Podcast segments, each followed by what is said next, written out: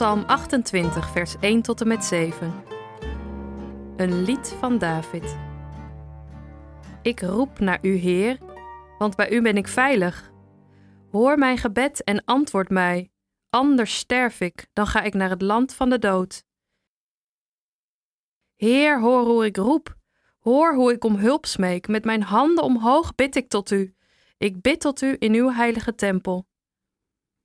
U straft mensen die kwaad doen, u maakt een eind aan hun leven, want zij doen tegen iedereen vriendelijk, maar hun gedachten zijn slecht. Heer, straf mij niet, want ik ben niet zoals zij. Geef ze de straf die ze verdienen, want ze letten niet op uw daden, ze zien uw wonderen niet. Geef ze het loon voor hun slechte daden, laat ze voor altijd verdwijnen. Ik wil de Heer danken, want Hij heeft mijn gebed gehoord. De Heer geeft mij kracht en beschermt mij. Op Hem vertrouw ik. Hij heeft mij geholpen en daarom juich ik. Ik wil Hem danken met een lied.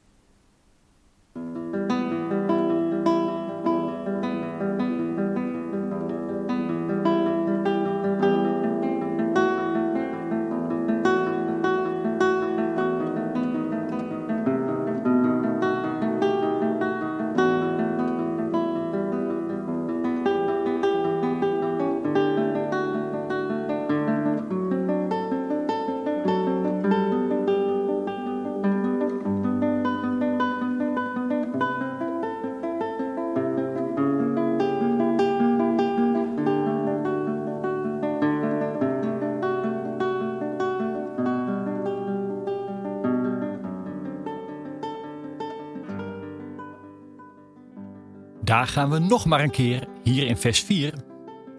Heer, straf mij niet, want ik ben niet zoals zij. En even verder. Geef ze het loon voor hun slechte daden, laat ze voor altijd verdwijnen. Ik kan er zo weinig mee, met dit soort teksten. Ik kan zo slecht tegen mensen die denken dat ze altijd het gelijk aan hun zijde hebben, die altijd zo van zichzelf overtuigd zijn. Deze 28e psalm volgt weer een bekend stramien. Hoofdpersoon zit in nood. Hoofdpersoon bidt om hulp. Hoofdpersoon vraagt dat zijn vijanden weggevaagd worden. Hoofdpersoon wordt verhoord en is blij. En daarom juich ik, zo staat er. Ik wil God danken met een lied. Was het maar zo simpel? Was het leven maar zo logisch? Vroeger werd er veel gelezen uit de Heidelbergse Catechismus, een eeuwenoud leerboek van de kerk. Bij iedere zondag werd er een aantal vragen met antwoorden gegeven en hele generaties gelovigen hebben die lesstof in hun hoofd moeten stampen. De basale volgorde in die catechismus was deze: ellende, verlossing, dankbaarheid. Dat is ook gelijk mijn grote bezwaar tegen de catechismus. Het wordt allemaal zo logisch voorgesteld.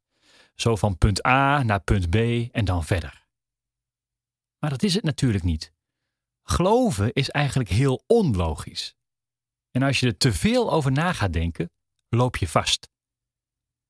En uiteindelijk is geloven toch ook een sprong in het diepe. Je weet niet precies hoe het zit, maar je wil erop vertrouwen. Maar het blijft altijd kwetsbaar. Het blijft broos. En die ervaring maakt voor mij deze psalm niet tot iets wat is, iets wat ik herken, maar wat hopelijk ooit zal zijn. Ooit. Eens.